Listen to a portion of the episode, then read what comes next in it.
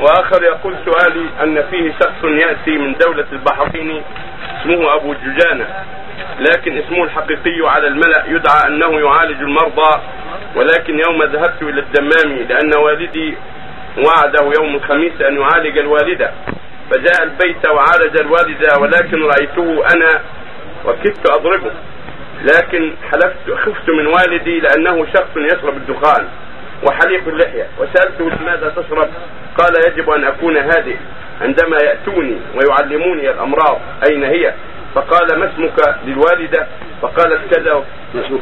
ما اسمك للوالدة؟ فقالت كذا وكذا فكتب أعداد عنده وقال إن كذا وكذا وكذا من الأمراض فأجاب بعضها صحيح وبعضها غلط وأعطى الوالدة أشياء من الأوراق لا يعرف فيه إلا اسم الله أول شيء والباقي لا يعرف وقال هذه تضعينها في المخدة وهذه تتبخرين بها وهذه تشربينها ولكن بفضل الله أنا خوفت والدتي فقلت لها إذا استعملت هذا الدواء فسيدخل عليك شيء من النافذة ولم تستعمله. وقال لوالدي هذا الكاهن إن زوجتك سوف تشفى يوم الخميس وبالفعل سرقت بقالة والدي يوم الخميس وأخذ منها مبلغ وقدره ستون ألف ريال ولكن أنا لم أسكت على هذا الموضوع بل أخبرت وأردنا أن نقبض عليه ولكنه شرد منا ولم نستطع وإنه يأتي كل يوم خميس إلى الدمام وهو مشترك مع شخص سعودي في العملية لأنه هو الذي يتصل به.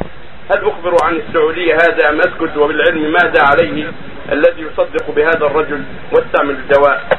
هذا لا شك إن هذا من العرافين ومن الكهنة والمفسدين في الأرض هذا لا يقبل ولا يستعمل في العلاج بل هذا يجب القبض عليه وتأديبه ما يلزم وسجده بما يستحق حتى يعاد إلى بلاده إذا كان غير هذه البلاد. وبعد النظر بعد تحكيم الشريعة فيه على المحكمة وتنظر في امره وحضور الشهود العارفون به حتى تحكم على المحكمة ما يستحق من تأديب وسجن أو قتل أو غير ذلك. هذا لا يجوز. الذي يقول اسمك كذا وعلى اسمها أو اسم أبيها أو يعطي كلمات لا تعرف لا يعرف معناها كالنسمات وخطوط مقطعة أو حروف مقطعة أو اشباه أو أسماء من الشياطين لا تعرف. هذا كله من الدلائل على أنه من الكهنة ومن المنجمين ومن العرافين أو من الكذابين اللاعبين الذي يشوش على الناس وقول أن المرض يزول يوم الخميس فكذا هذا يدل على جهله وضلاله. فإن سبب المرض لا يعلم متى يزول إلا الله سبحانه وتعالى. الحاصل أن مثل هؤلاء كذبة فجرة لا يجوز إقرارهم بل هم من جملة عرافين وكذابين مدعين الطب وهم يكذبون وإنما يأخذون أشياء من الجن والشياطين ويستعينون بها على بعض باطلهم ليأخذوا أموال الناس بالباطل وانت أيها الكاتب لا بد تكتب على اسم السعودي ولا نبين اسمك إن شاء الله. تكتب اسم السعودي ولا تبين اسمك. ما يخالف. اذا كنت خايف فاسم السعودي هذا حتى لا وأنت ما, ما لا لا تخبرنا باسمك إذا أردت. باس عليك